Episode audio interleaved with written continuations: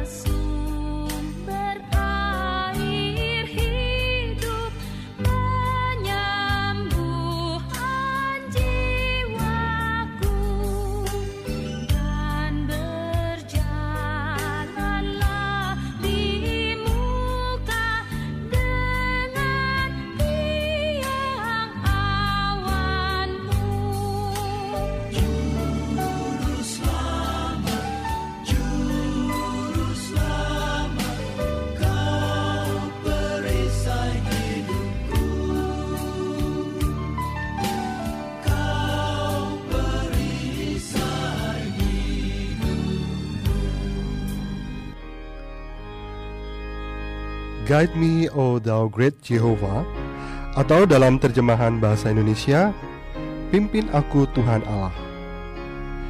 Teks himne ini digubah oleh William 1745 dan 1772, sedangkan musiknya dikomposisikan oleh John Hughes tahun 1907. Selama berabad-abad lamanya, orang-orang di Wales dikenal sebagai penyanyi yang paling antusias di seluruh dunia. Wales menjadi tanah tempat bertumbuhnya lagu-lagu. Himne ini adalah hasil warisan dari tradisi musikal yang sangat baik. Pada abad pada awal abad ke-18, seorang pengkhotbah dari Wales, Howell Harris, menggetarkan Wales dengan khotbah-khotbahnya yang injili dan nyanyian-nyanyian cematnya salah satu jiwa yang tersentuh oleh khotbah Harris adalah Williams Williams. Pada awalnya Williams sebenarnya sedang mempersiapkan dirinya untuk berkecimpung di dalam dunia medis. Tetapi setelah mendengarkan khotbah Harris, Williams mudah mempersembahkan hati dan hidupnya kepada Tuhan dan memutuskan untuk terjun ke dalam ladang pelayanan. Ia melayani di dunia di dua wilayah terpisah di dalam gereja Anglikan untuk beberapa waktu lamanya. Tetapi ia tidak pernah merasa damai berada di dalam gereja yang sudah berdiri kokoh itu karena menurutnya hanya bersifat ritual semata. Williams menganggap seluruh Wales sebagai wilayah pelayanannya. Selama 40 tahun berikutnya ia menempuh perjalanan hampir sejauh 160 ribu kilometer dengan menunggang kuda sambil berkhotbah dan menyanyikan himne di dalam bahasa ibunya sendiri. Meskipun ia mengalami banyak penderitaan, Williams dikenal akrab sebagai penyanyi bersuara merdu dari Wales. Di seluruh daratan, ia dihormati sebagai seorang pengkhotbah yang persuasif. Meskipun ada yang mengatakan bahwa sumber yang mempengaruhi adalah himne-himnenya. William sendiri menulis kurang lebih 800 himne, semuanya dalam bahasa Wales. seorang himnologis pernah berkata, Sebagaimana Isaac Watch bagi orang Inggris, seperti itulah, dan malah lebih lagi, himne-himne Williams-Williams bagi orang-orang Wales. Sayangnya, kebanyakan himne Williams masih belum diterjemahkan, dan inilah satu-satunya himne yang membuatnya dikenal luas hari ini. Guide me, O thou great Jehovah. Perumpama, perumpamaan dalam himne, himne ini diambil seluruhnya dari Alkitab. Himne ini membandingkan perjalanan Israel selama 40 tahun ke tanah perjanjian dengan kehidupan seorang Kristen sebagai perjalanan syarah melalui tanah tandus. Perhatikan frase-frase simbolis yang digunakan di seluruh lirik dari himne ini. Bread of Heaven, roti sorga, yang adalah mana, crystal fountain, air mancur, fire and cloud pillar, tiang api dan tiang awan, dan beberapa frase-frase simbolis lainnya.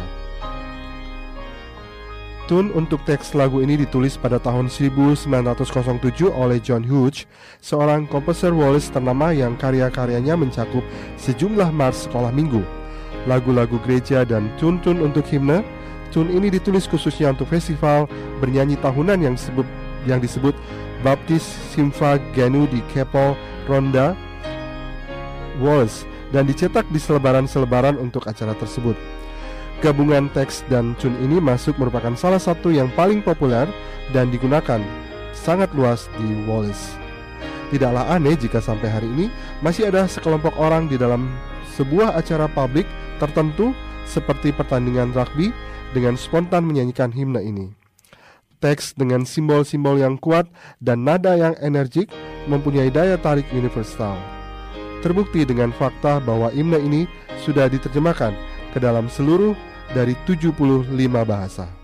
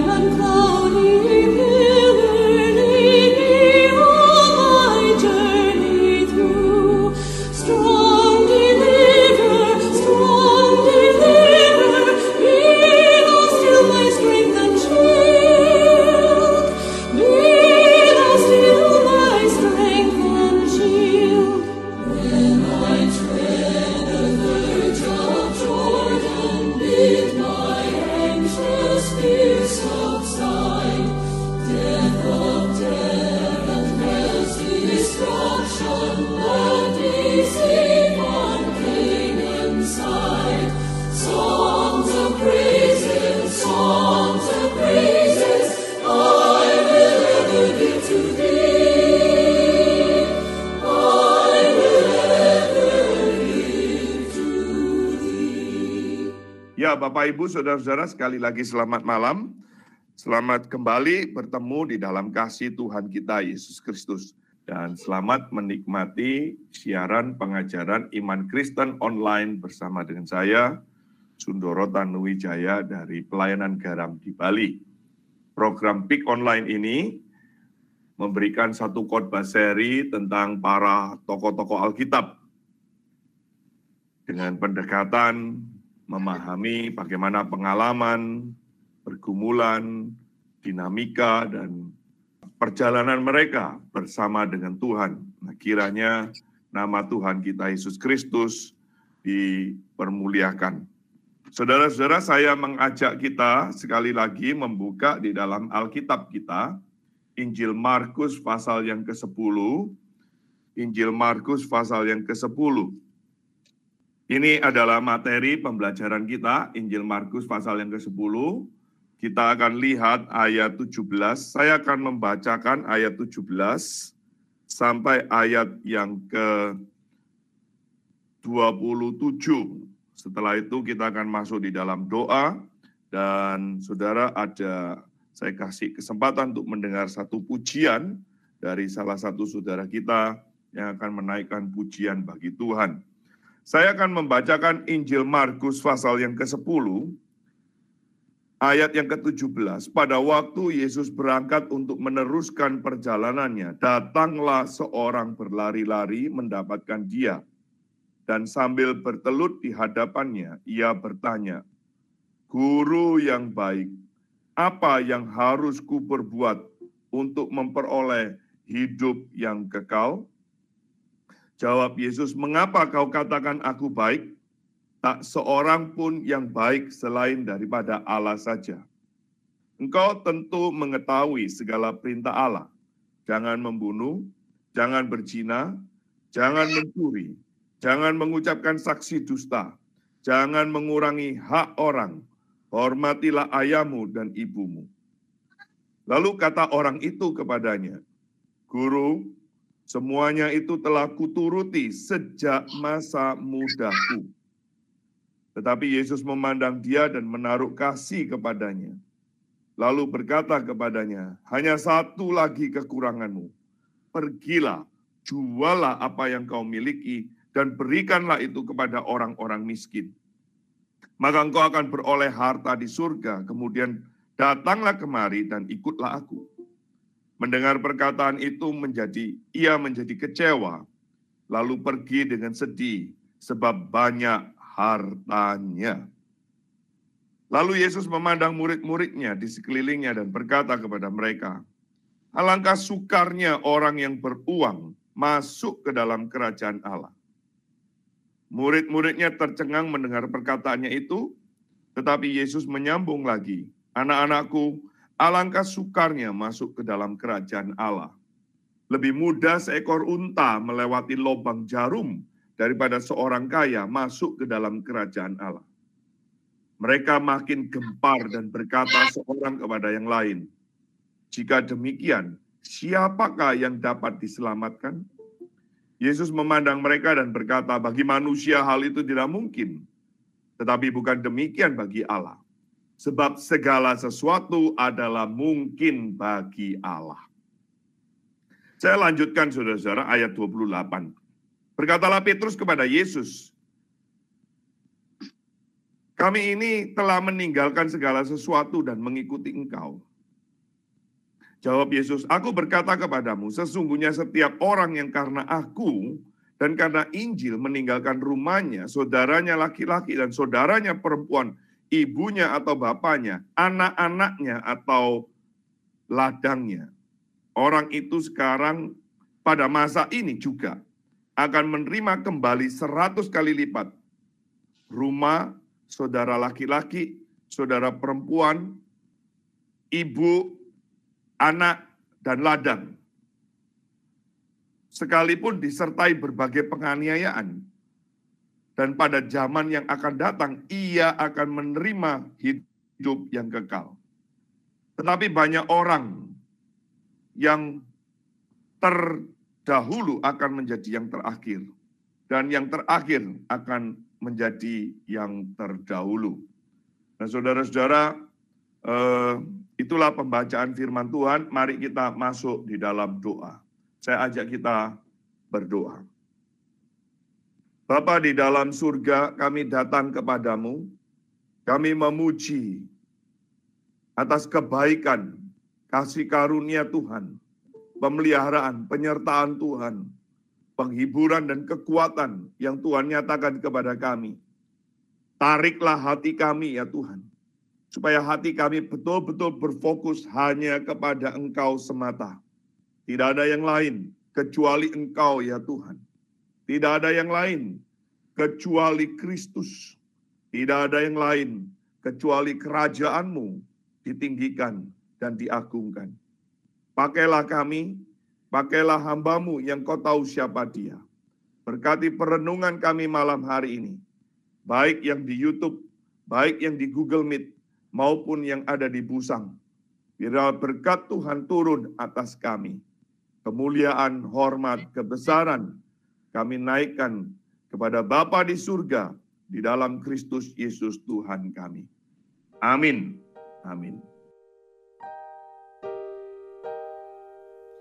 Ku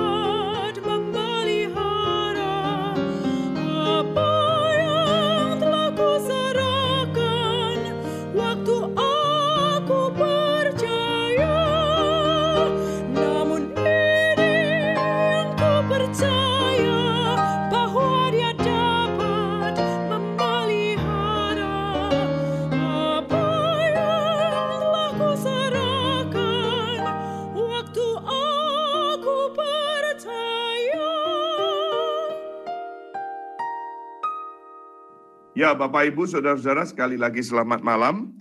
Selamat kembali bertemu di dalam kasih Tuhan kita Yesus Kristus. Bapak Ibu, Saudara-saudara sekalian, saya mengulangi kembali pertemuan kita pada minggu yang lalu merupakan eh, minggu ini adalah lanjutan daripada minggu yang lalu mengenai pemuda yang kaya ini. Alkitab mencatat bahwa ada pemuda, seorang pemuda, dia yang posisinya itu kaya, posisinya jab- berjabatan, dia sebagai pemimpin, dia orang yang elit, dia orang yang tidak sembarangan, saudara-saudara. Dan dia datang mencari, mendatangi Kristus. Ya, saudara, ketika Tuhan dalam perjalanannya ya, eh, dari eh, pelayanannya ke seberang Sungai Yordan, ini pemuda mendatangi dan berlutut, ya, berlutut. Lukas mencatat dia adalah seorang pemimpin, ya, kelompok orang yang tidak sembarangan. Ini orang yang elit. Orang muda ini bertanya. Pertanyaannya luar biasa, saudara.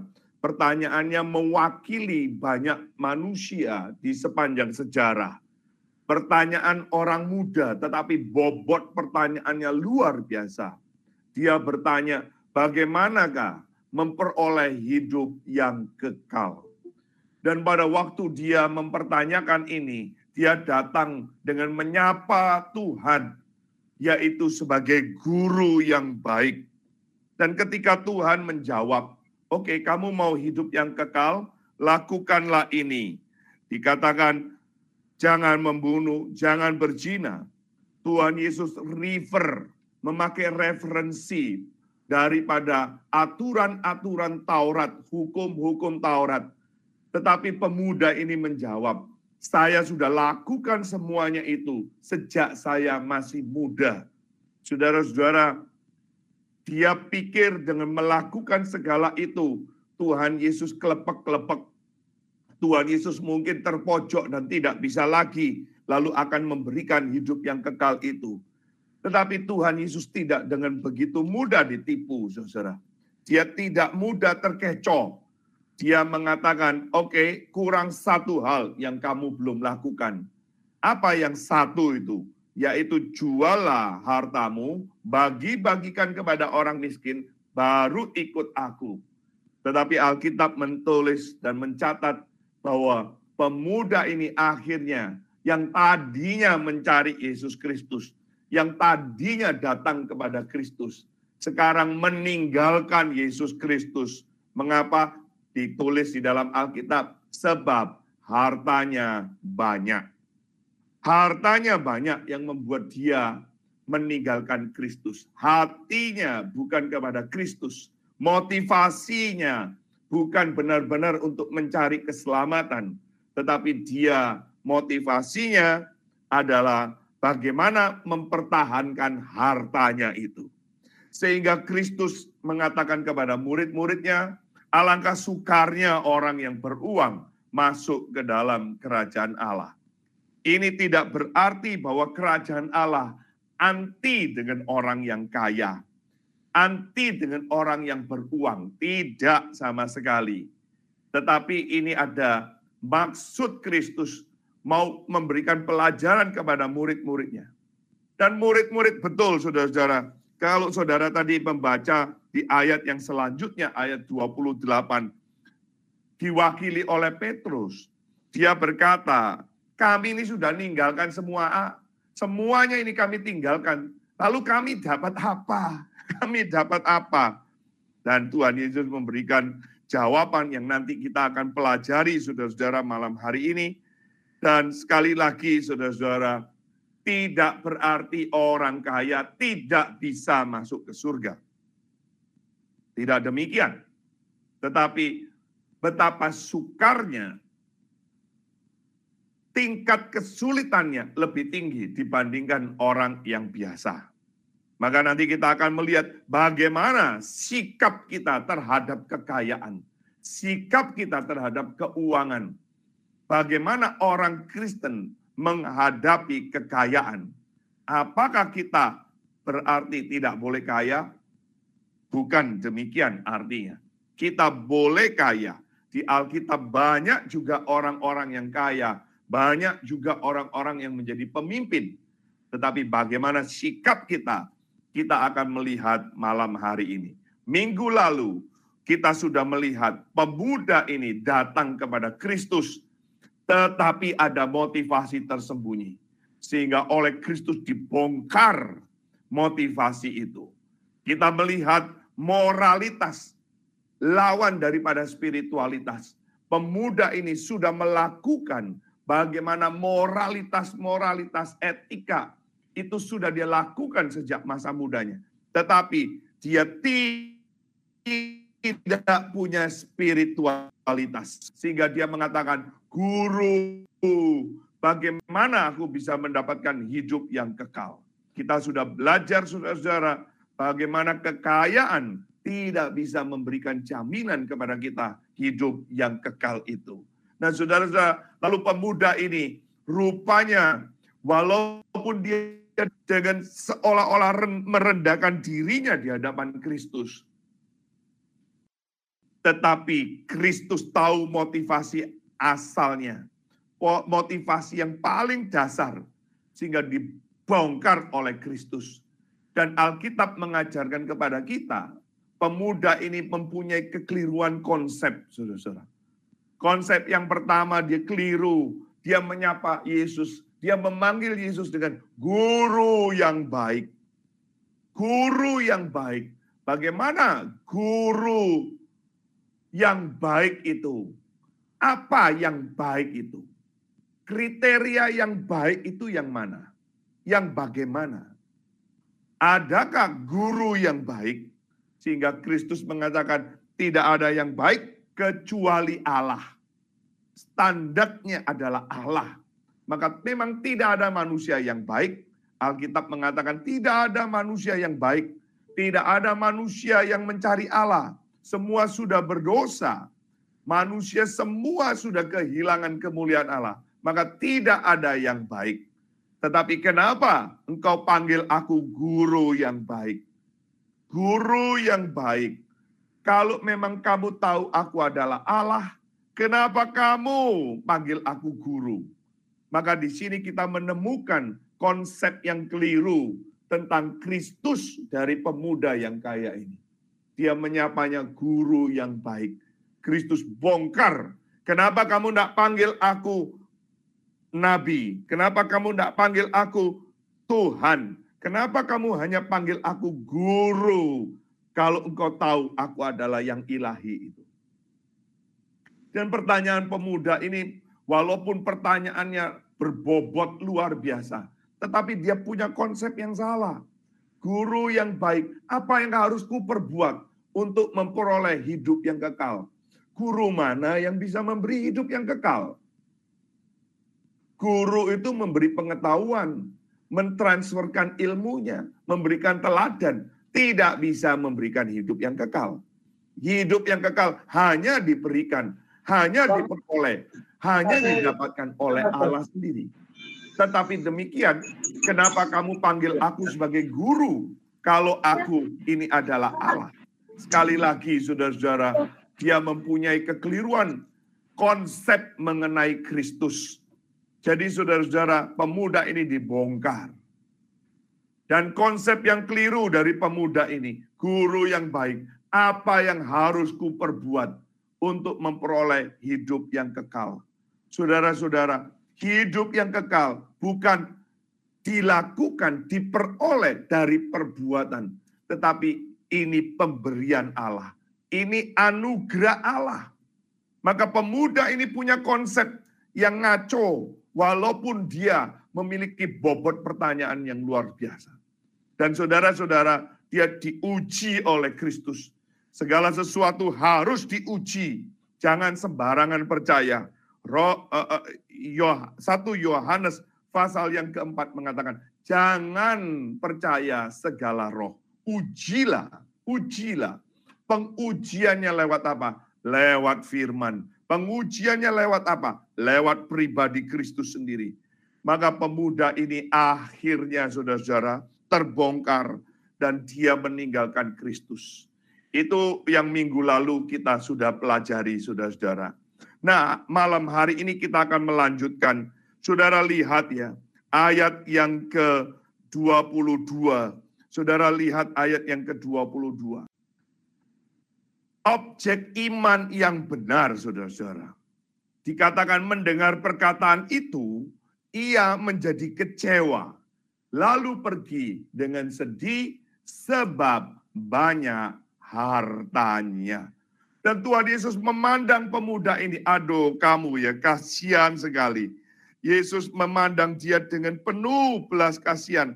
Tetapi saudara-saudara, pemuda ini rupanya dia betul-betul menaruh objek imannya bukan kepada objek iman yang benar. Dia menaruh objek imannya itu kepada prestasinya, pada pencapaiannya. Dia ujung-ujungnya itu kepada dirinya sendiri. Dan ini ditolak oleh Yesus Kristus.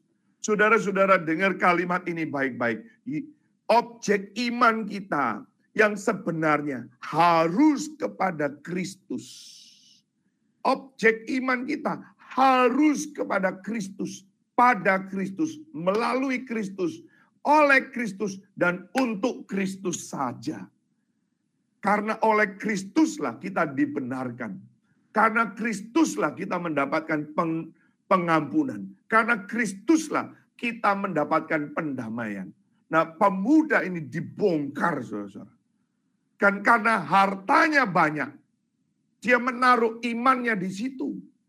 Saya yakinlah termasuk saya, saudara-saudara sekalian juga begitu bukan? Saudara akan lebih tenang kalau nomor rekening rekening bank saudara ada isinya bukan? ada uang yang cukup banyak, saudara akan lebih tenang. Saudara dan saya pasti lebih tenang. Saya pun juga demikian, saudara-saudara. Saya akan gelisah kalau nomor rekening saya tinggal beberapa saja. Tapi saudara-saudara, kita diingatkan sekali lagi malam hari ini. Objek iman kita bukan kepada seberapa banyak kekayaan yang kita miliki. Tetapi harus kepada Kristus. Nah rupanya pemuda ini, dia menaruh kepada hartanya yang banyak itu. Saudara-saudara, dikatakan lalu pergi dengan sedih sebab banyak hartanya. Pemuda ini kecewa karena seluruh perbuatannya, seluruh upayanya, seluruh prestasinya, seluruh kekayaannya tidak diperhitungkan oleh Kristus. Malahan ini apa-apaan ya? Kristus kok suruh jual lalu kasih kepada orang miskin. Bagaimana bisa saya yang sudah kaya disuruh jadi miskin? Lalu saya beri kepada orang yang miskin itu. Orang miskin kan jadi kaya. Saya jadi miskin, orang lain jadi kaya. Bagaimana ini Kristus? Kristus tidak memperhatikan pencapaian saya. Kristus tidak memperhitungkan pencapaian saya. Dia kecewa, dia tinggalkan Kristus. Saudara-saudara, inilah menjadi persoalannya kekayaannya dijadikan ukuran iman. Inilah titik persoalan utamanya, iman dan hatinya. Yaitu apa? Kekayaannya, prestasinya. Ini menjadi ukuran. Saudara-saudara, sering kali kita mengukur seseorang itu berhasil atau tidak. Bahkan mungkin kita mengukur seseorang itu beriman atau tidak. Kita mengukurnya dengan berapa berkat banyak yang dia miliki, berapa kelimpahan yang dia punyai, berapa materi yang dia bisa kumpulkan. Ini celaka, saudara-saudara. Kekayaannya, saudara-saudara, tidak mendapatkan apa-apa di hadapan Tuhan. Itu percuma, itu sia-sia. Nah pemuda ini, saudara-saudara, rupanya Tuhannya itu ya kekayaannya itu, saudara-saudara. Kekayaannya menjadi Tuhannya. Bukan Kristus bukan menjadi Tuhannya.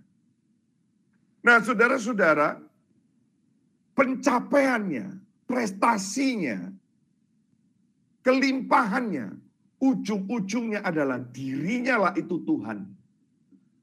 Yang menjadi Tuhan itu bukan Tuhan atau Kristus atau Yesus, bukan. Tetapi prestasinya, kekayaannya.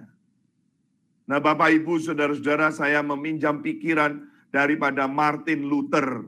Bagaimana kita menguji apa yang menjadi Tuhan kita. Nah ini saudara-saudara. Bagaimana kita menguji, batu uji, mengetahui siapa sih sebenarnya Tuhan saudara dan saya. Saudara, yang pertama ujiannya adalah apa yang menjadi sumber kenikmatan atau apa yang menjadi sumber penghiburan bagi kita di saat saudara senang. Saat saudara kelimpahan, saudara sehat, saudara sejahtera. Apakah itu menjadi kenikmatan atau sumber penghiburan saudara? Apa? Saudara senang karena berhasil, karena sukses, karena uang banyak, karena cuan yang besar, karena untung yang besar, apakah itu menjadi sumber kenikmatanmu? Apakah itu sebagai sumber penghiburanmu? Itulah yang menjadi Tuhanmu. Itulah menjadi Allahmu. Maka hati-hati ya saudara ya. Ketika saudara tidak ada uang, saudara sedih, itu berarti Tuhanmu adalah uang.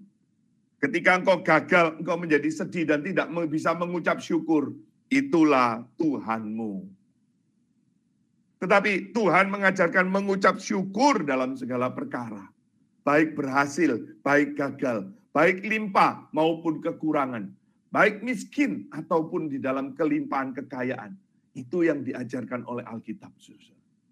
Yang kedua, batu ujinya. Apa yang menjadi sumber pengharapan kita pada saat kita susah? Jadi ini saudara-saudara ya, bagian yang pertama, apa yang menjadi sumber pada waktu kita senang? Kita senang karena uang banyak, karena berhasil, karena kelimpahan. Tetapi yang kedua, saudara-saudara, dikala saudara lagi susah, dikala saudara sedang sakit, dikala saudara sedang gagal, dikala saudara sedang mengalami kebangkrutan, frustrasi, putus asa, apa yang menjadi sumber pengharapanmu? Saudara-saudara, ada banyak orang tua mengeluh kepada saya, mengeluh soal anaknya, soal saudara-saudaranya, soal masyarakatnya. Mereka mengeluh, susah sekali hidupku ini, susah kali hidupku ini. Itu menunjukkan sumber pengharapannya dia kepada orang-orang tertentu, kepada situasi-situasi tertentu, dan bukan kepada Allah. Saudara-saudara, ketika kita menghadapi susah, kita menghadapi senang, kita menghadapi pujian, kita menghadapi fitnaan, kita menghadapi kelimpahan, waktu kita menghadapi kebangkrutan, di situlah menjadi batu uji saudara. Mana, apa, siapa yang menjadi Tuhanmu? Saudara-saudara, seperti pemuda ini, boleh saja kita memiliki label sebagai orang kaya. Boleh saja saudara dikenal sebagai pemimpin. Mungkin saudara dianggap seorang yang terpandang, tapi sebenarnya remeh di hadapan Tuhan. Sebenarnya saudara tidak ada apa-apanya di hadapan Tuhan. Saudara sama sekali tidak berarti di hadapan Tuhan. Boleh saja saudara seperti orang muda ini memiliki moral yang tinggi, etika yang tinggi, tapi sebenarnya di hadapan Tuhan, saudara sedang memberhalakan itu, moralitas, etika itu. Itu bukan Tuhan kita. Itu bukan jaminan untuk mendapatkan hidup yang kekal. Boleh saja saudara mengaku bertemu dengan Tuhan. Seperti pemuda ini, dia datang sujud menyembah Tuhan. Pemuda ini sujud menyembah kepada Tuhan. Dia berlari-lari. Dia menemui Tuhan, saudara-saudara. Tapi toh sebenarnya dia hanya cari pembenaran. Pembenaran diri di hadapan Tuhan. Dia tidak benar-benar sujud. Dia tidak benar-benar bertobat. Dia tidak benar-benar mengasihi Tuhan. Dia hanya cari pembenaran.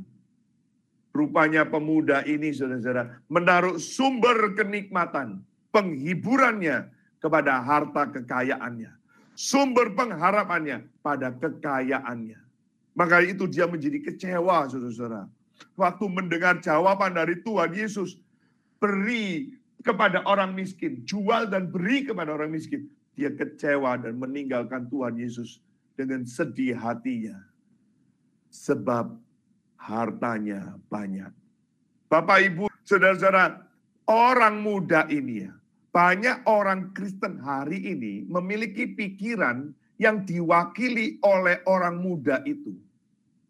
Yang pertama, pikiran apa? Yang pertama adalah kemandirian. Atau di dalam bahasa Inggrisnya self-reliance. Dia mandiri. Dia tidak ada lagi menggantungkan kepada orang tuanya. Dia merasa ada self-support ada support dirinya sendiri di dalam harta kekayaannya. Sehingga secara tidak sadar dia telah menaruh pengharapan pada kekayaannya itu. Saudara-saudara, kumpulkan kekayaan dulu, baru pelayanan. Itu banyak orang yang punya pikiran seperti itu. Nanti saudara saya mau melayani kalau saya sudah sukses. Nanti saudara saya mau melayani kalau Tuhan sudah kasih berkat saya. Sekarang ini saya hidup susah, saya tidak belum bisa pelayanan. Inilah pikiran yang ada seperti pemuda ini. Dia pikir ada dulu, limpah dulu, kaya dulu, baru pelayanan. Ini tipuan si jahat, saudara-saudara. Ini tipuan daripada mamon. Hati-hati saudara-saudara dengan pikiran seperti ini. Yang kedua, dia pikirannya apa saudara-saudara? Yang kedua dia menolong dirinya sendiri. Yang pertama tadi kemandirian, yang kedua dia pikirannya bisa menolong dirinya dengan uang yang banyak. Saya bisa berbuat banyak. Dengan uang yang banyak, saya bisa membeli banyak hal. Dengan uang yang banyak, saya bisa membeli pelayanan. Bahkan dia pikir dengan uang yang banyak, dia bisa masuk ke surga, saudara-saudara. Dengan berbuat amal, dengan berbuat sedekah, dengan memberikan persembahan, dia pikir bisa membawa dia masuk ke surga.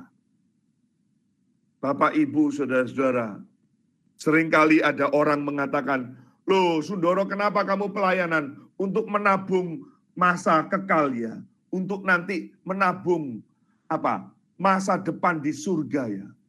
Saudara-saudara, ini kepalsuan. Ini kepalsuan. Walaupun Alkitab menulis perbuatan-perbuatanmu akan menyertai engkau sampai di surga. Tetapi jangan pikir perbuatanmu itu bisa menolong engkau. Kekayaanmu bisa menolong engkau. Yang bisa membawa ke surga. Nanti kita akan lihat lebih detail ini. Saudara-saudara, inilah kepalsuan. Dan inilah pikiran-pikiran yang banyak terjadi di dalam orang Kristen. Sehingga dia mengatakan, aku ini susah. Aku ini masih susah kamu suruh pelayanan tambah susah Sundoro. Memang hatimu tidak di situ. Hatimu bukan kepada Tuhan. Memang engkau datang kepada Tuhan, engkau ibadah kepada Tuhan. Tetapi sesungguhnya engkau bukan mentuhankan dia. Yang ketiga, saudara-saudara, pemuda ini melihat sosok Yesus hanya sebagai manusia yang baik saja seorang tokoh moral yang agung, seorang pengajar, guru yang baik, hanya sebagai manusia biasa saja. Nah, saudara-saudara, inilah kekeliruan, kecelakaan yang paling besar bagi manusia. Salah memandang pribadi Kristus yang adalah Allah yang berinkarnasi. Banyak orang diwakili pikirannya oleh pemuda ini yang menganggap Yesus itu hanya manusia biasa. Saudara-saudara, satu hari saya bertemu dengan seorang teman saya. Lalu dia mengatakan, "Oh, kamu Kristen, Sundoro." "Iya, aku baru tahu kalau kamu Kristen." "Oh iya, saya Kristen memang sejak kecil." Puji Tuhan. Lalu dia mengatakan, "Saya tidak lagi Kristen, Lalu ya saya mengatakan, eh, dia mengatakan, saya tidak lagi percaya. Wong Yesus itu manusia. Kenapa dituhankan Sundoro? Di dalam Alkitab tidak ada satu ayat pun yang mengatakan bahwa Yesus itu Tuhan. Saya waktu mendengar itu saya berkata, oh benarkah demikian? Lalu dia mengatakan, tunjukkan saya satu ayat satu ayat saja bahwa Yesus itu Tuhan dan dia mengaku dia itu Tuhan, saya akan percaya. Saya waktu mendengar itu saya termenung sebentar. Saya mencoba mengingat dan saya berdoa kepada Tuhan. Ayat mana yang mengatakan Yesus Tuhan? Saudara-saudara di dalam Yohanes 13, saudara bisa membukanya. Yohanes 13 ayat 13. pakaiannya dan kembali ke tempatnya. Lalu ia berkata kepada mereka, menyebut guru dan Tuhan. Dan katamu itu tepat, sebab memang akulah guru dan Tuhan. Saudara lihat ini, Yesus mengkonfirmasikan kalimat pengakuan para murid. Kamu menyebut aku guru dan Tuhan. Yesus membenarkan, dia mengatakan, betul ucapanmu. Aku guru dan Tuhan. Dan saudara-saudara, dikatakan ayat yang ke-14. Dan jikalau aku membasuh kakimu, sekali lagi saudara lihat, keluar dari mulut Tuhan Yesus. Aku adalah Tuhan dan gurumu, maka kamu pun wajib saling membasuh kakimu. Saya tunjukkan ayat ini, saudara-saudara. Dia langsung um, bimbang, ragu, lalu saya tagih kamu mengatakan bahwa ada kalau ada satu ayat yang mengatakan Yesus itu Tuhan, kamu mau kembali Kristen. Maukah engkau kembali kepada Kristus? Dia mengatakan, saya pikir-pikir dulu ya. Saudara-saudara, ini membuktikan bahwa memang hatinya tidak kepada Kristus. Dia hanya mencari-cari. Dia mempunyai konsep yang salah. Dia hanya pikiran Yesus itu sebagai manusia biasa. Kristus adalah Allah itu sendiri. Kristus adalah Allah yang berinkarnasi.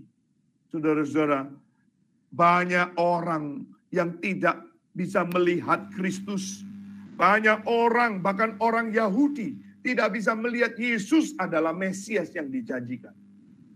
Banyak orang yang tidak bisa melihat Yesus adalah Tuhan. Saudara-saudara kalau membaca di dalam Injil Yohanes tadi, saudara lanjutkan. Itu menggenapi firman Tuhan yang ada di Yesaya. Tuhan membutakan. Tuhan membuat hati mereka degil. Maka kalau malam hari ini, saudara dan saya bisa percaya. Kalau malam hari ini saudara dan saya bisa melihat, mengerti bahwa Yesus adalah Kristus. Yesus adalah Allah itu sejati itu semata-mata karena anugerah. Maka di poin yang keenam yang selanjutnya yang kita akan pelajari.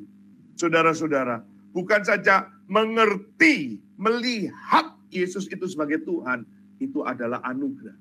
Tetapi bagian yang keenam, keselamatan adalah anugerah. Yesus memandang murid-muridnya di sekelilingnya, lalu Yesus berkata, Aduh, alangkah sukarnya orang yang beruang masuk ke dalam kerajaan Allah. Bapak, Ibu, saudara-saudara sekalian, Alkitab mengajarkan kepada kita bahwa keselamatan itu adalah anugerah terbesar yang Allah nyatakan kepada manusia yang berdosa ini. Inilah mujizat yang terbesar, yaitu keselamatan kepada orang yang berdosa, orang yang harusnya dimurkai oleh Allah. Orang yang harusnya dihukum mati, tetapi diselamatkan melalui pribadi anaknya yang tunggal. Barang siapa yang berpercaya, dia akan beroleh hidup yang kekal. Tetapi mereka yang menolak dan tidak mau percaya, dia akan memperoleh penghukuman murka Allah yang kekal. Api murka Allah yang menyala-nyala api yang tidak pernah padam itu.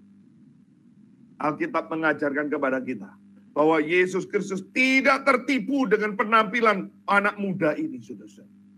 Anak muda ini seolah-olah walaupun dia pemimpin, dia mau mesujud merendahkan diri. Tetapi saudara-saudara, Kristus tidak tertipu. Kristus tidak tertipu oleh penampilan seseorang. Kristus tidak tertipu oleh prestasi-prestasi manusia, kekayaan, status sosial, atau seberapa besar uang saudara miliki, kekayaan yang saudara miliki, moralitas yang saudara pegang berapa tinggi, tidak akan bisa menipu Kristus. Persoalan teologis yang benar dan hati saudara itu menjadi persoalan yang perlu mendapatkan perhatian kita. Sekali lagi, persoalan teologis yang benar hati saudara itu menjadi perhatian, menjadi persoalan, mendapatkan perhatian dari Kristus. Saudara-saudara, Alkitab mengatakan kerajaan surga bukan persoalan perbuatan baik, bukan soal status di dalam masyarakat kita, bukan seberapa besar harta kekayaan, seberapa hebat prestasi yang engkau capai, bukan karena jasa manusia, bukan karena berapa banyak punya uang, tetapi anugerah dan belas kasihan Allah semata.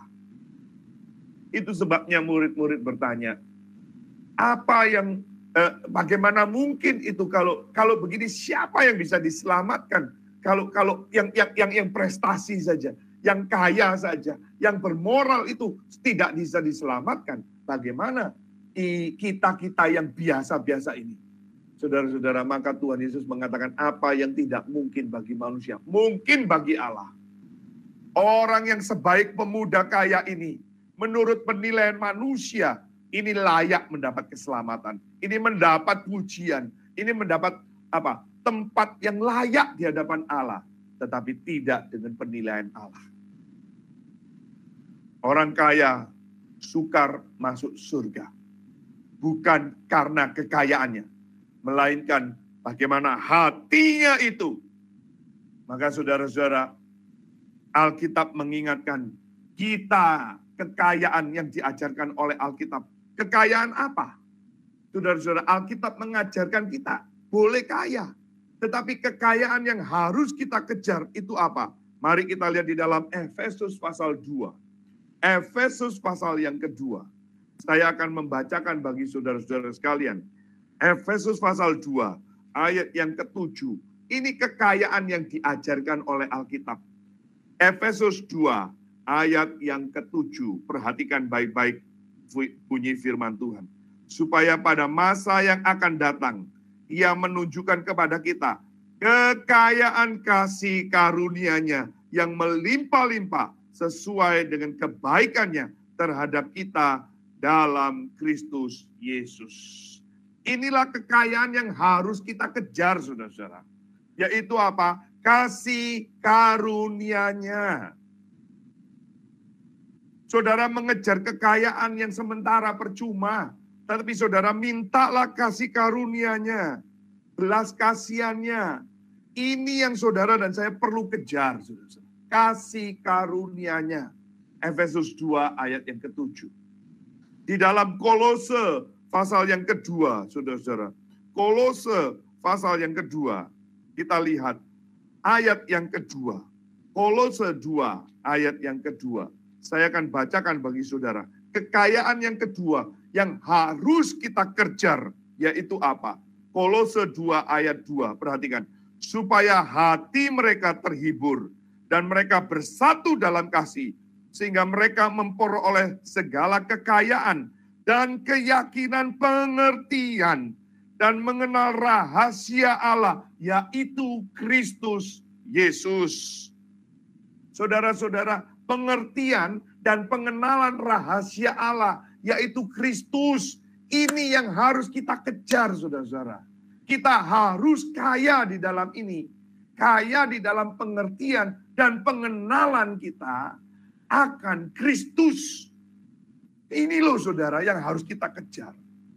Dan ini seluruhnya, baik yang pertama tadi, kasih karunia-Nya maupun pengertian dan pengenalan rahasia Kristus rahasia Allah di dalam Kristus. Ini menyangkut pengertian rohani, saudara. Ini kekayaan rohani. Jadi saudara jangan cuma kejar materi. Berapa banyak di antara kita kalau diajak PA susah. Diajak mau belajar firman susah, alasannya banyak. Tapi kalau suruh cari uang, cari kekayaan, kita rajin, ngotot. Kenapa kita tidak mau belajar lebih ngotot lagi? Kenapa kita tidak lebih rajin lagi menggali firman?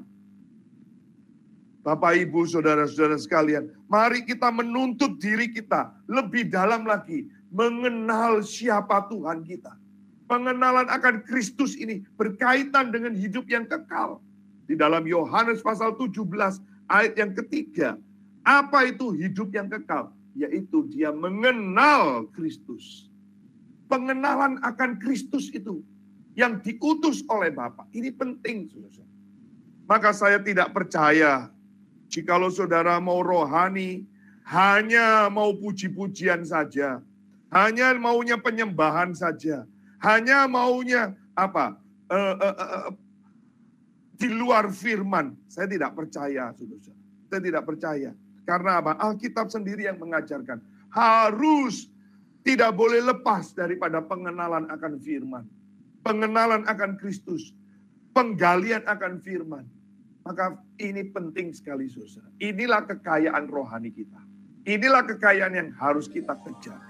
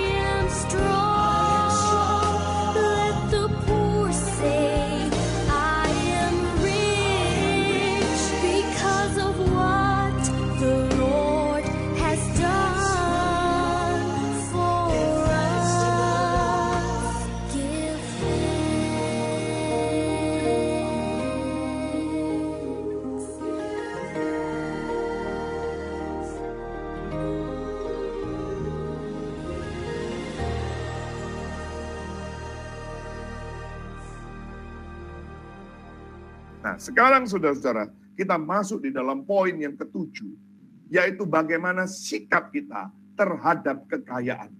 Bagaimana sikap kita terhadap kaya, kekayaan itu? Orang Kristen boleh kaya? Boleh. Tentu boleh. Kekristenan tidak anti kekayaan. Tetapi bagaimana sikap yang harus kita ambil dalam menghadapi kekayaan? Tuhan mengajarkan, pergilah, jualah apa yang kau miliki, dan berikanlah itu kepada orang-orang miskin. Lalu ikutlah aku, maka engkau akan beroleh harta di surga. Saudara-saudara, bukan pusatnya bukan soal uh, uh, hartanya, berapa banyak, tetapi saudara-saudara, ini bagaimana kita memberi. Kita memberi, itu penting saudara-saudara. Saudara banyak orang kaya, makin kaya, makin pelit memberi. Makin kaya, sedikit memberi. Saudara harusnya makin kaya, saudara harusnya makin besar memberi. Saudara-saudara dua minggu yang lalu ya, ada teman hamba Tuhan dari Surabaya datang di Bali, lalu saya menemui dan kami pergi makan siang, saudara. Pada waktu makan siang itu, saudara-saudara, ada seorang pengamen, saudara. nyanyi, pengamen ini. Dan, suaranya bagus, saudara. Waktu dia nyanyi, suaranya bagus. Saya perhatikan dia nyanyinya juga dengan niat, hatinya yang baik, sehingga saya tergerak untuk memberi pengamen itu, saudara. Eh, memberikan apa uang kepada pengamen. Waktu saya mau memberi ke pengamen ini, saudara, saya ambil dompet saya. Saya cari uang yang terkecil, saudara. yang nggak terkecil lah, paling kecil lah, ya, bukan paling kecil, mah, yang yang kecil lah ya gitu ya. Tapi rupanya di dompet saya nggak ada uang kecil, saudara. Yang ada cuma ada 50 ribuan. Lalu saya lihat dompet saya, nggak ada uang kecil, ya sudah, saya nggak jadi memberi, saudara. Saya masukkan lagi. Waktu saya masukkan kan, uh, dompet saya ke kantong itu, saudara. Hati saya mulai terganggu, saudara.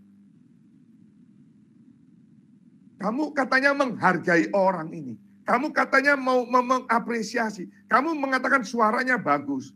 Tapi pada waktu memberi, kamu beri yang kecil. Beri yang sedikit. Padahal kamu diberi oleh Tuhan begitu banyak, begitu limpah. Wih, saya tertegur, saudara. Oleh suara hati nurani saya sendiri.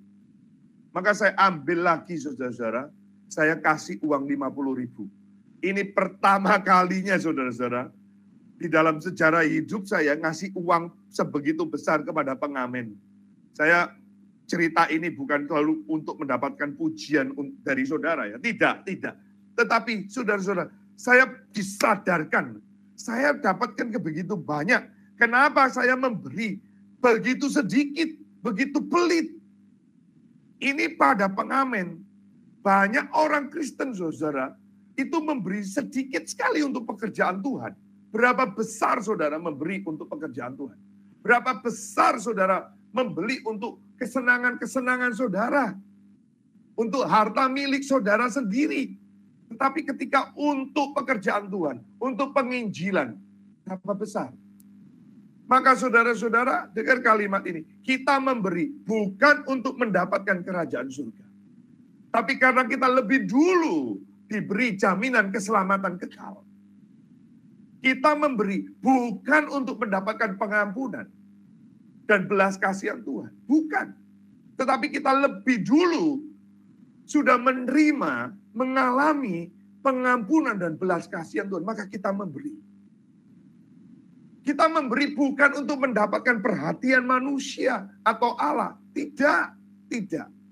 Tetapi karena ekspresi kita mengasihi Tuhan. Itu bagian daripada ekspresi kita mengasihi sesama. Dan itu kita mau belajar taat, menjalankan perintahnya. Maka sekali lagi kita memberi bukan untuk supaya Tuhan memberi kita lebih banyak. Tidak. Justru karena kita sudah diberi oleh Tuhan. Dan saya bukti saya mengasihi Tuhan. Ekspresi saya mengasihi sesama melalui pemberian saya. Maka sekali lagi saudara, pergilah kata Tuhan Yesus. Jualah apa yang kau miliki dan berikanlah itu kepada orang miskin. Maka engkau akan memperoleh harta di surga. Ini sebuah tindakan pilihan. antara jual mamonmu atau jual mamonmu dan ikut Tuhan Yesus. Atau tinggalkan Tuhan Yesus, cintai mamon. Tidak bisa keduanya. Saya mau mamon, saya mau Yesus. Tidak bisa. Harus pilih. Harus pilih. Maka sekali lagi ya saudara-saudara, siapa Tuhanmu? Siapa ilahmu? Siapa Allahmu? Saudara-saudara, di dalam Alkitab ingat tidak? Tuhan minta dari Abraham. Bukan kekayaannya. Tapi dia minta anaknya Ishak. Ini ujian, saudara-saudara. Kalau Tuhan minta Abraham kekayaannya, ya Abraham nggak akan berat, saudara-saudara. Nggak akan ada pergumulan. Abraham akan dengan enteng aja. Oh, kamu mau berapa Tuhan? Saya kasih domba banyak saya, banyak stok, banyak stok. Tapi Tuhan justru minta yang satu itu, Ishak, supaya ini teruji, saudara. Hati Abraham itu di mana? Kepada Tuhan atau kepada Ishak? Ingat loh, Ishak itu anak yang dia dapat pada masa tua. Dia sudah tua. Ini satu-satunya yang nggak mungkin lagi ada anak dua ini. Bukan karena KB. Bukan karena dia ini. Tapi karena Sarah itu sudah tua. Caranya sudah tua. Abrahamnya sudah tua. Tapi nanti saudara lihat di dalam Alkitab. Abraham setelah Sarah meninggal menikah lagi dengan keturah dan masih punya anak. Jadi saudara-saudara, Sarahnya sudah tutup kandungannya. Maka pengharapannya itu ya di Ishak ini, pengharapannya apalagi janji Tuhan menjadi apa? E, e, e, keturunannya seperti pasir di pantai, seperti bintang di, di, di, di langit itu. Maka pengharapannya pada Ishak dan di situlah Tuhan menguji Abraham. Sini, kasih saya, kasih saya. Saudara-saudara, ini penting sekali ya. Mari kita lihat ya, kekayaan itu bisa menjadi dua sisi ya. Kekayaan keuangan, harta kita itu menjadi dua sisi. Bisa berkat, bisa bahaya. Bisa berkat, bisa kutuk. Maka saudara-saudara mari kita lihat. Kekayaan itu menjadi berkat. Kekayaan itu bisa menjadi berkat. Kenapa? Saudara-saudara, yang pertama, kekayaan itu berkat itu cermin daripada kebaikan Allah. Saudara kaya, puji Tuhan, itu cermin daripada kebaikan Allah yang terjadi di dalam diri saudara, yang berlaku, yang sekarang sedang sedang alami. Pujilah Tuhan. Yakobus pasal 1 ayat 17. Yakobus 1 ayat 17 mengatakan begini, begini saudara-saudara. Setiap pemberian yang baik dan setiap anugerah yang sempurna datangnya dari Allah, diturunkan dari Bapa segala terang. Padanya tidak ada perubahan atau bayangan karena pertukaran. Jadi saudara-saudara, kehidupan kita adalah hanya karena belas kasihan serta kebaikan Tuhan. Termasuk seluruh bentuk kekayaan kita. Sebagai bentuk pemeliharaan Tuhan atas kita sebagai bentuk providensia Allah di dalam hidupmu dan hidupku. Kekayaan yang kita miliki, kekayaan yang kita dapatkan itu menjadi bukti kasih karunia Allah. Begitu lembut dan setia sehingga kita terus menerimanya sekalipun di waktu-waktu yang buruk. Di waktu-waktu yang susah, saudara tetap mendapatkan itu. Ini adalah cermin kebaikan Allah terhadap hidupmu dan hidupku. Yang kedua, kekayaan itu bisa menjadi berkat. Mengapa? Karena cermin siapa yang memerintah hati kita. Saat kita mendapat kekayaan, saat saudara mendapat hasil atau keuntungan yang besar, hal apakah yang muncul dalam benak hati saudara atau pikiran saudara yang pertama? Yang muncul pertama kali itu apa? Waktu saudara mendapat untung besar ada orang yang langsung waktu dia dapat untung besar, dia pikirnya saya akan beli ini, beli ini, beli ini. Saya akan dapatkan ini, saya dapatkan ini. Sesuatu yang lebih banyak. Padahal dia belum tentu memerlukan itu. Dia pikirannya langsung saya mau beli ini, saya beli ini. Saudara-saudara, hati-hati. Jangan-jangan itu memerintah hati. Atau, atau Waktu saudara mendapat untung, waktu saudara mendapatkan uh, uh, hasil yang besar, apakah saudara berpikir saya harus memberi lebih banyak kepada sesama saya, kepada pekerjaan Tuhan? Apakah kepuasan kita meningkat dengan hasil pembelian atau pemberian? Nah, ini saudara-saudara. Saudara harus menguji, saudara harus jujur dengan diri sendiri. Waktu saudara dapat untung, apakah saudara ingin beli atau ingin memberi? Apakah saudara ingin mendapatkan atau saudara ingin berbagi? Sini kuncinya, saudara. Siapa yang memerintah hatimu? Saudara akan ketahuan pada waktu saudara kaya. Pada waktu engkau punya uang. Kalau saudara nggak punya uang, pinginnya memberi. Pada waktu engkau nggak punya uang, inginnya berbagian dalam pekerjaan Tuhan. Tapi pada waktu punya uang belum tentu pekerjaan Tuhan yang kau pikirkan. Mungkin kekayaanmu, kelimpahanmu yang kau pikirkan. Apakah Anda lebih bersyukur dengan apa yang Anda dapatkan atau apakah Anda salurkan sehingga menjadi berkat bagi lebih banyak orang? Saudara-saudara, apa kekayaan kita membawa kita lebih tunduk dan hasrat keinginan hati kita yang harus dipuaskan? Atau kekayaan itu membawa kita tunduk kepada kehendaknya dan dijadikan yang dijadikan di bumi ini seperti di surga. Ini cermin siapa yang memerintah hatimu. Apakah kekayaan kita ataukah Tuhan? Kehendaknya yang memerintah hati kita atau kehendak kita yang memerintah. Kemuliaan diri atau kemuliaan Tuhan yang akan kita kerjakan.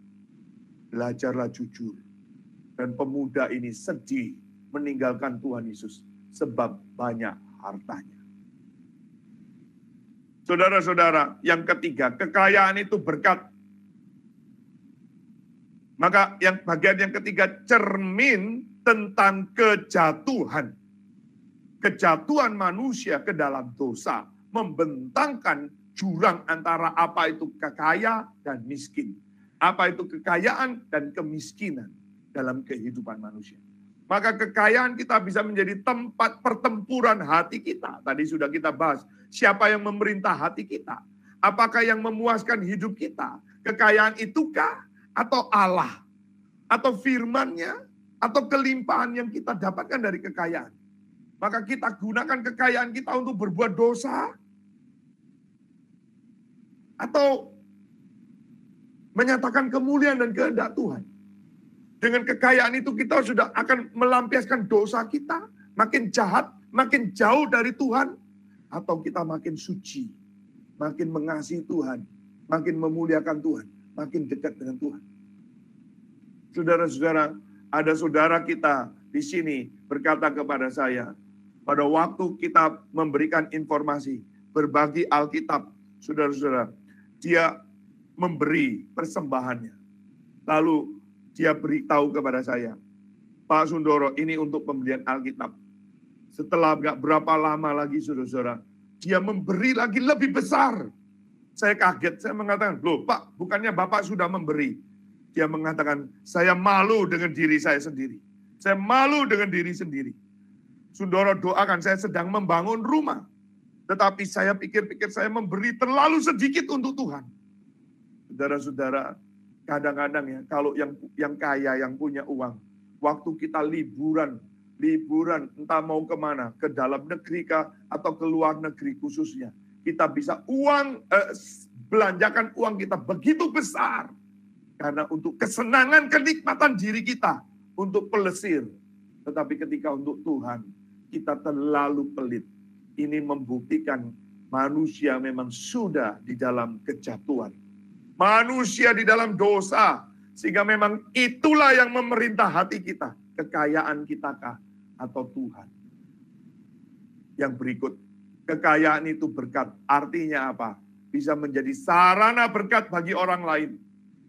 Dalam sikon dunia yang serba materialistis. Yang berpusat kepada diri sendiri Apakah kekayaan kita menjadi sarana berkat bagi lebih banyak orang? Atau hanya untuk memperkaya diri sendiri terus? untuk kenikmatan diri sendiri terus. Apakah saudara pakai kekayaan itu bisa menjadi berkat bagi lebih banyak orang?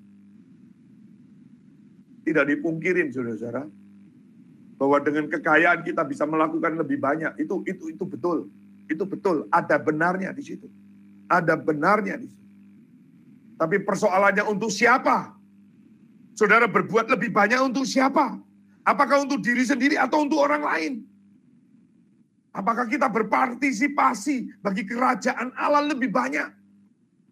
Atau hanya untuk diri sendiri terus? Untuk anak-anak sendiri terus? Untuk rumah sendiri terus? Saudara-saudara, biarlah kita jujur malam hari ini. Yang berikut saudara-saudara, kekayaan itu berkat. Karena melaluinya itu dipakai menjadi sarana karya keselamatan. Karya kerajaan Allah. Hidup kekristenan adalah peperangan sepanjang zaman. Antara dua kerajaan. Kerajaan diri sendiri dan kerajaan Allah. Kemuliaan diri atau kemuliaan Allah. Maka hidup dan pengakuan iman kita bisa saja sangat kristiani. Namun sejauh mana keterlibatan diri kita, kekayaan kita dalam bagian di dalam kerajaan Allah. Terlalu sedikit. Terlalu sedikit. Kita mengaku anak Allah. Kita mengaku mengasihi Kristus. Tetapi waktu pekerjaan Allah dibeberkan, kita terlalu sedikit ambil bagian. Pemuda ini meninggalkan Kristus dengan sedih karena hartanya banyak.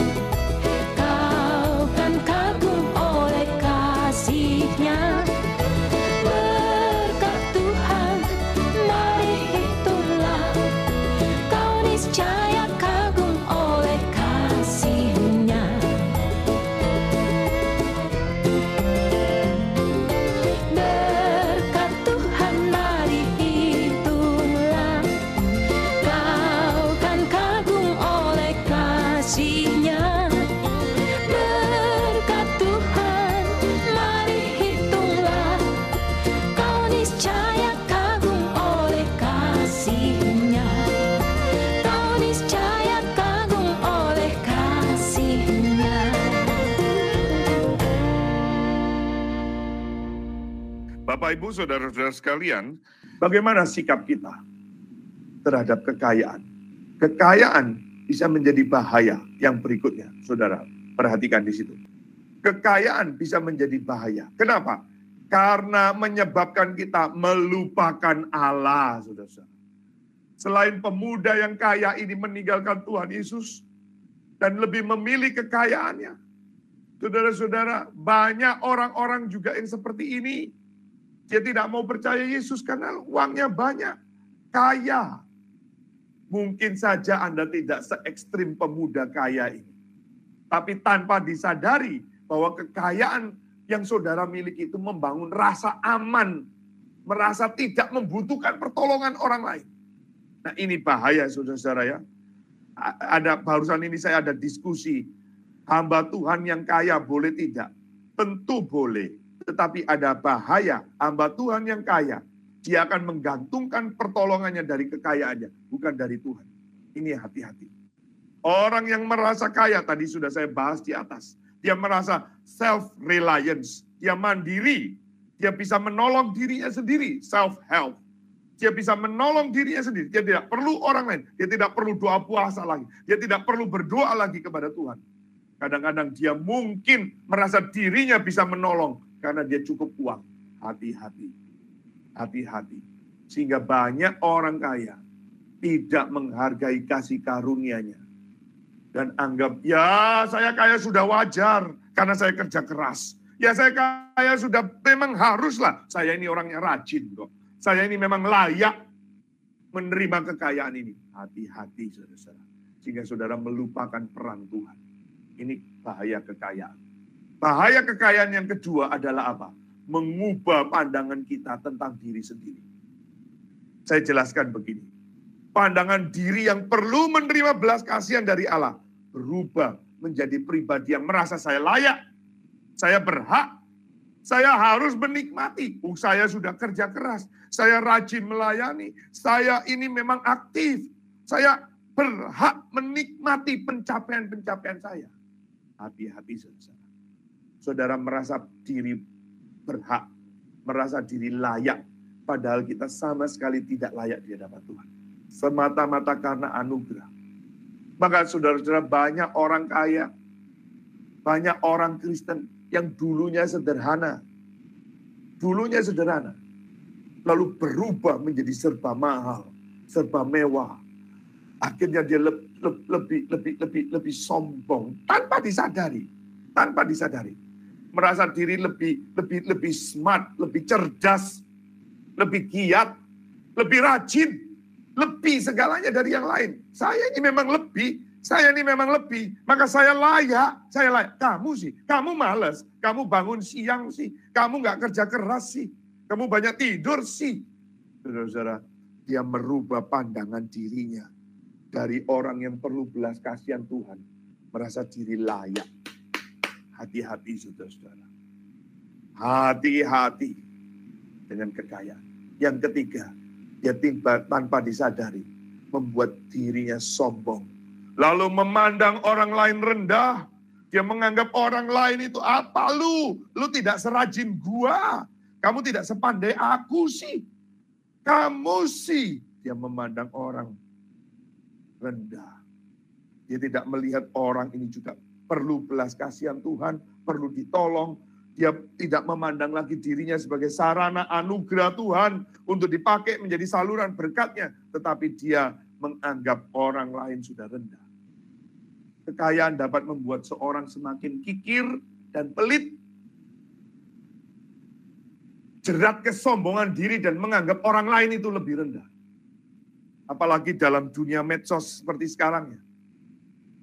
Banyak orang nggak sadar saudara, upload makanan, woi makanan, makanannya mewah, di tempat yang mahal, pelesiran, bertamasya, di tempat yang jauh, yang di mana sekarang orang-orang sedang susah, dia sedang berwisata. Di mana orang-orang sedang susah makan, dia makan yang mewah. Tanpa dia sadari. Tanpa dia sadari. Melalui medsos. Dia pamer. Ini pamer kekayaan terselubung. Maka saudara harus hati-hati ya menggunakan medsos. Hati-hati. Kadang-kadang kita menggunakan medsos untuk menaikkan citra diri kita. Ini loh, saya sudah ke sini. Saya sudah pernah makan ini nih di tempat yang wow. Yang orang lain nggak bisa, saya bisa. Orang lain kebanyakan tidak bisa, saya bisa. Hati-hati saudara. Di luar sana banyak orang yang lebih membutuhkan. Di luar sana banyak orang sedang mengalami kekurangan. Mungkin di luar sana ada orang yang sedang menantikan pertolongan. Kita perlu waspada akan hal ini. Tanpa disadari saudara dan saya menjadi sombong. Lalu apa? Menganggap orang lain rendah. Yang berikutnya, yang keempat, bahaya daripada kekayaan. Yaitu apa? Melemahkan kita dalam godaan. Melemahkan kita dalam melawan godaan. Saudara-saudara ingat iman Kristen itu peperangan sepanjang zaman. Peperangan seumur hidup.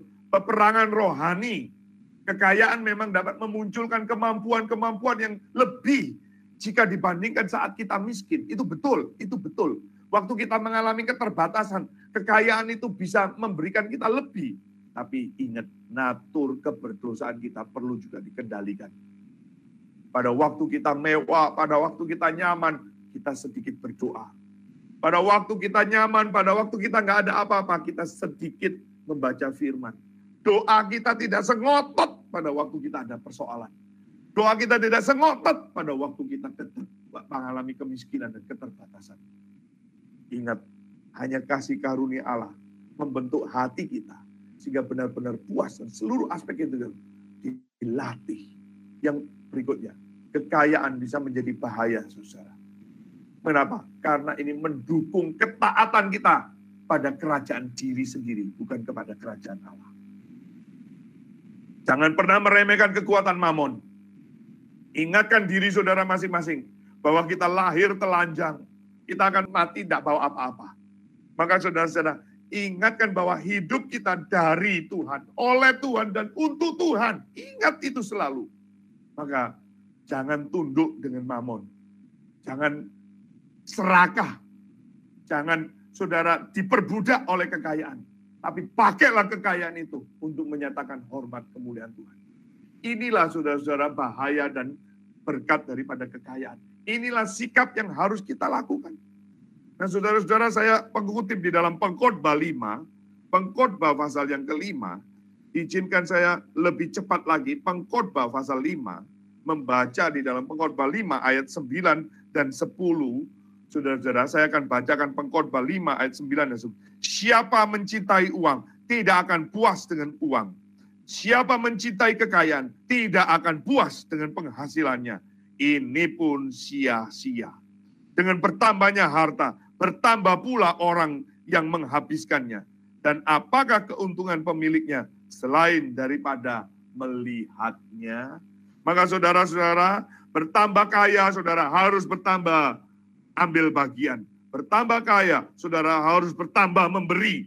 Bukan saudara makin pelit. Amsal Soleman pasal yang ketiga. Berikutnya Amsal Soleman pasal 3. Saya akan bacakan ayat 9 dan 10. Amsal Soleman 3 ayat 9 dan 10. Muliakanlah Tuhan dengan hartamu dan dengan segala hasil pertama dari segala penghasilanmu. Maka lumbung-lumbungmu akan diisi penuh sampai melimpah-limpah dan bejana pemerahanmu akan meluap dengan air buah anggurnya. Inilah sikap kita terhadap kekayaan. Berikut, segala sesuatu mungkin bagi Tuhan. Mereka langsung gempar, murid-murid itu gempar. Ayat 26. Kalau begini, siapa yang dapat diselamatkan? Kalau pemuda ini aja nggak diselamatkan, kita bagaimana? Saudara-saudara, keselamatan yang diajarkan oleh Alkitab sangat mungkin karena anugerah. Itu adalah dasar. Itulah itu sama dengan dasar daripada belas kasihan Allah saja. Yang memungkinkan, saudara-saudara. Yang memungkinkan orang berdosa masuk dalam kerajaan surga. Bagi Allah itu mungkin. Allah sanggup mengubah orang yang paling serakah menjadi orang yang paling dermawan. Allah sanggup mengubah, membuat orang yang paling membenci Yesus menjadi orang yang paling cinta Yesus. Seperti Paulus. Allah sanggup membuat penentang gereja menjadi pemberita Injil. dan penyebar gereja, pendiri gereja. Allah sanggup ubah hati orang kaya yang cinta uang menjadi orang kaya yang cinta Tuhan dan sesamanya. Inilah yang Allah sedang kerjakan dan Allah kerjakan. Mengubah hati anak-anaknya yang cemar dan penuh dosa. Mementingkan diri menjadi kudus dan penuh kasih kepada orang lain. Apakah saudara di posisi ini? Apakah saudara sebagai orang kaya? Tuhan mau memanggil kita menjadi anaknya. Tetapi kita harus belajar menang atas godaan, dosa, serakah, cinta uang, dan kesombongan. Orang yang kaya diubahkan. Tuhan pasti diubahkan oleh Tuhan, pasti menjadi rendah hati.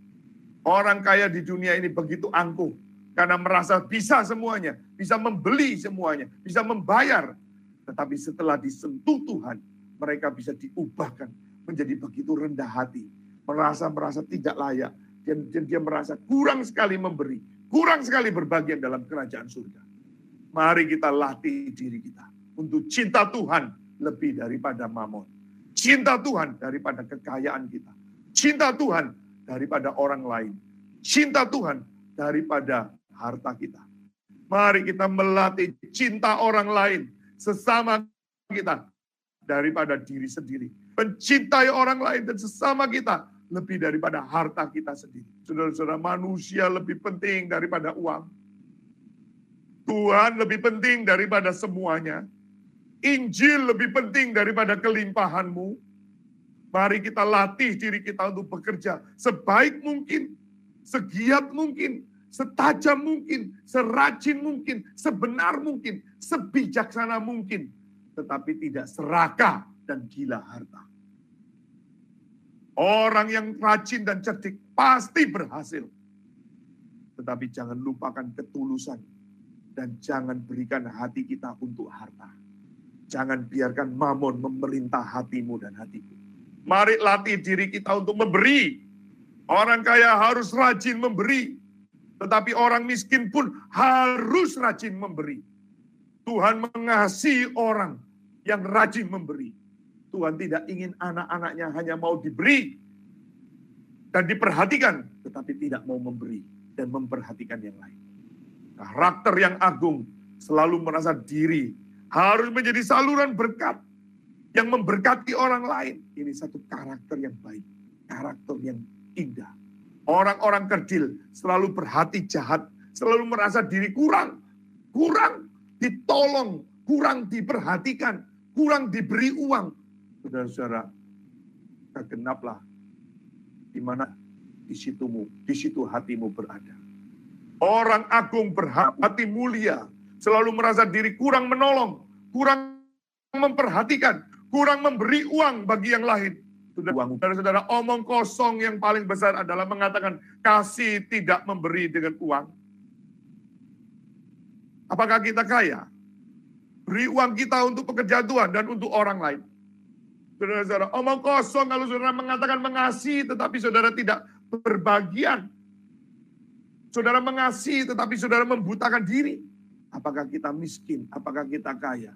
Beri uang kita untuk pekerjaan Tuhan. Dan untuk sesama kita. Menolong. Apakah kita hamba Tuhan? Beri uang kita untuk pekerjaan Tuhan. Untuk orang lain. Apakah kita hamba Tuhan? Beri uang kita untuk pekabaran Injil. Tuhan akan melihat dan memberi berkat kepada orang-orang yang rindu untuk menolong dan memberi dan menyatakan hormat dan kemuliaan Tuhan. Barang siapa yang mengerti dan menjalankan berbahagia sekali. Sebaliknya, siapa yang setelah mendengar ini pun tetap tidak mau berubah, terus mau kikir, terus mau dirinya sendiri. Kiranya Tuhan menolong dan berbelas kasihan padamu. Saudara-saudara, Tuhan memberi anaknya yang tunggal, yang terbaik, yang terutama, yang termulia, teragung kepada engkau dan aku. Dia berikan satu-satunya anak. Ini terbaik. Engkau pelit hanya dengan harta. Engkau sudah diberi anaknya, tetapi engkau begitu perhitungan. Bagian yang terakhir, upah mengikut Yesus. Petrus berkata, kalau begitu kami sudah meninggalkan semua, lalu bagaimana? Lalu bagaimana? Jawab Tuhan Yesus, Setiap orang yang karena aku dan karena Injil meninggalkan rumahnya. Saudaranya laki dan saudaranya perempuan, ibunya, bapaknya, anak-anaknya dan ladangnya. Orang itu akan menerima kembali seratus kali lipat. Saudara-saudara ini berbicara apa? Saudara-saudara ini berbicara apa? Ini berbicara saudara-saudara. Orang yang ini, menggelisahkan murid-muridnya saudara. Dia sudah meninggalkan semua dan mengikut. Lalu kami dapat apa? Ini ini ini, ini saudara-saudara. Ini ini wajar loh saudara-saudara. Ini pertanyaan yang wajar. Kami dapat apa? Kalau saya mengikut Yesus saya dapat apa? Pertanyaan ini wajar. Dan Tuhan Yesus tidak menyalahkan. Oh kamu sama aja ya dengan pemuda ya. Yang kaya itu ya. Kamu sama aja ya ingin dapat apa-apa ya dari aku. Saudara ini wajar. Kristus tidaklah mencela murid-muridnya. Tetapi saudara, kontras. Pemuda tadi itu ingin mendapatkan hidup yang kekal. Saudara, dan itu disetarakan dengan mengikut Yesus. Saudara, ini pelajaran apa? Yang pertama, ada ruang untuk reward. Pengiringan kita kepada Kristus itu ada ruang untuk penghargaan. Ini yang pertama. Kita mengenal konsep already not yet, saudara. Sudah dan belum. Dan reward itu, penghargaan itu, waktu kita ngiring Kristus, itu juga sudah terjadi dan akan terjadi, saudara-saudara. Sudah terjadi, sekarang ini melalui Kristus Yesus dijanjikan itu. Dan itu akan terjadi pada waktu nanti kita bertemu dengan Kristus secara muka dan muka. Saudara-saudara ada konsep already not yet. Reward itu ada sekarang dan nanti akan kita terima sudah dan belum. Yang kedua, saudara-saudara, ini ada ketidak sebandingnya antara yang sementara ini dan yang kekal. Yang kalau kamu kehilangan sekarang, kamu akan menerima 100 kali lipat ganda. Itu artinya, saudara, tidak sebanding antara yang yang sementara dan yang kekal. Saudara-saudara, ini yang sering kali ayat ini dilecehkan, dipakai alat untuk memperalat jemaat Tuhan oleh hamba-hamba Tuhan yang tidak bertanggung jawab. Kamu beri saya 10 ribu, nanti kamu dapat 100 ribu. Bukan itu artinya, saudara. Tetapi ini ada ketidaksebandingan antara yang kita terima, antara yang kita hilang sekarang karena mengikut Kristus, dan antara yang kita terima karena mengikut Kristus, itu tidak sebanding. Yang sementara dan yang kekal nanti itu, yang sudah dan yang belum itu. Maka dalam mengejar kesementaraan Saudara-saudara banyak orang untuk mengejar kekayaan itu rela berkorban. Kerja 12 jam, bahkan 14 jam. Tinggalkan anak istri begitu lama. Ironis saudara-saudara. Akhirnya tidak mendapat hidup yang kekal. Saudara-saudara. Dan banyak orang yang mengejar kekekalan itu dengan santai-santai. Salah, saudara. Salah sekali. Mari kita menuntut belajar lebih dalam. Mengenal lebih dalam. Mengerti siapa Kristus yang ketiga, saudara-saudara, ini bicara mengenai apa? Keluasan relasi. Pelipat gandaan segala kepunyaan kita. Itu, ini, saudara, ini sebuah relasi yang lebih luas. Kamu kehilangan apa? Bapakmu, anakmu, ayahmu, ibumu, anakmu, ladangmu. Sekarang kamu akan mendapatkan 100 kali lipat. Ini lebih luas, saudara-saudara. Keluasan relasi. Saudara-saudara, ini ini ini kalau kita sering kali cuma dalam lingkaran diri sendiri ya. Keluarga sendiri, bapak sendiri, mama sendiri, anak sendiri, kekayaan sendiri, ladang sendiri. Terus kita putar-putar di dalam sendiri saja. Tetapi dikatakan kalau kamu mengikut Kristus, meninggalkan yang sendiri tadi itu, mendapatkan keluasan yang lebih luas lagi itu. Lebih lipat lagi, seratus kali lipat ganda. Dan yang terakhir, saudara, terakhir, saudara, dikatakan siapa yang terdahulu akan menjadi terakhir, yang terakhir akan menjadi terdahulu. Ini di sini ada pembalikan nilai, ada pembalikan peran. Saudara-saudara, di dalam nilai kesementaraan lawan nilai kekekalan itu terbalik, saudara-saudara. Yang dulu saudara anggap berharga, justru tidak berharga. Yang saudara dulu kejar mati-matian, justru itu sia-sia. Yang saudara harus kejar, tapi saudara tidak kejar, yaitu pengenalan akan Tuhan pengenalan akan firman. Ini ada pembalikan saudara-saudara. Peran yang sementara yaitu jasa, baik, prestasi, kelimpahan akhirnya tidak menjadi apa-apa. Dengan peran kekekalan yaitu anugerah menjadi kekal. Antara yang kelihatan dan yang tidak kelihatan. Antara penilaian manusia dan penilaian Tuhan. Terbalik semua. terbalik sehingga saudara menyesal. Menyesal waktu begini saya dulu ikut PIK. Waktu dulu begini saya melayani Tuhan dengan lebih giat. Waktu dulu, waktu dulu, waktu dulu. Sekarang saudara dikasih tahu oleh hamba-hamba Tuhan, saudara tidak mau taat. Sekarang firman Tuhan diberitakan engkau tidak mau taat. Kiranya saudara diingatkan sekali. Kepada siapa engkau percaya? Engkau tahu kepada siapa aku percaya. Kiranya Tuhan menjadikan kita orang yang bebas dari jerat harta kekayaan. Kiranya roh kudus Allah memimpin kita. Mau cinta Tuhan lebih daripada segala sesuatu yang lain. Kiranya belas kasihan Tuhan membawa kita cinta sesama, sesama kita lebih daripada harta kita. Kiranya Tuhan memberikan hati, kiranya Tuhan mengajar kita untuk mau memberi lebih daripada meminta orang lain memperhatikan kita, memberi kita. Kita memberi lebih daripada orang lain memberi kepada kita. Kita mau memberi karena Tuhan sumber segala berkat di dalam hidup kita lebih dulu memberi kepada kita.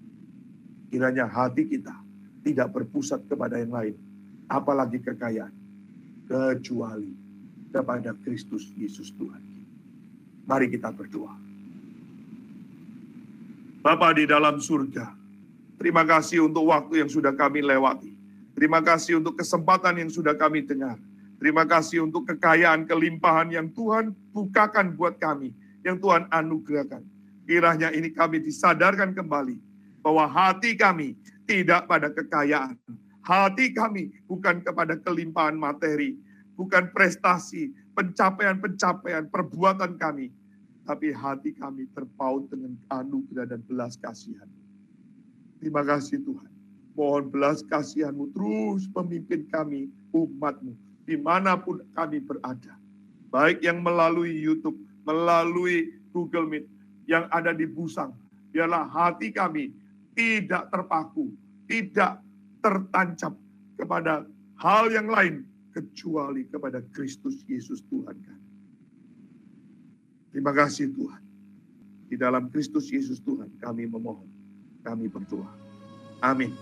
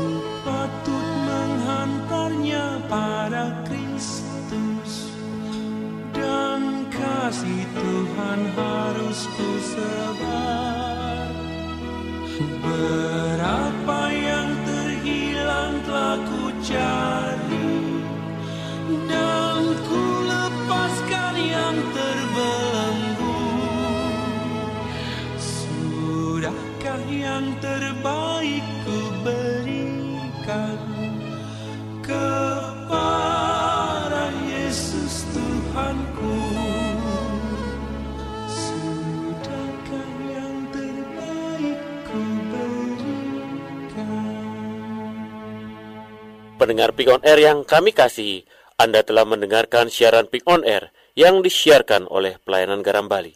Jika Anda ingin mengetahui tentang aktivitas Pelayanan Garam Bali, silakan menghubungi kami di nomor 085 238 400 900 085 238 400 900 untuk mendapatkan informasi lebih lanjut. Nantikan kehadiran kami di siaran kami berikutnya. Tuhan memberkati.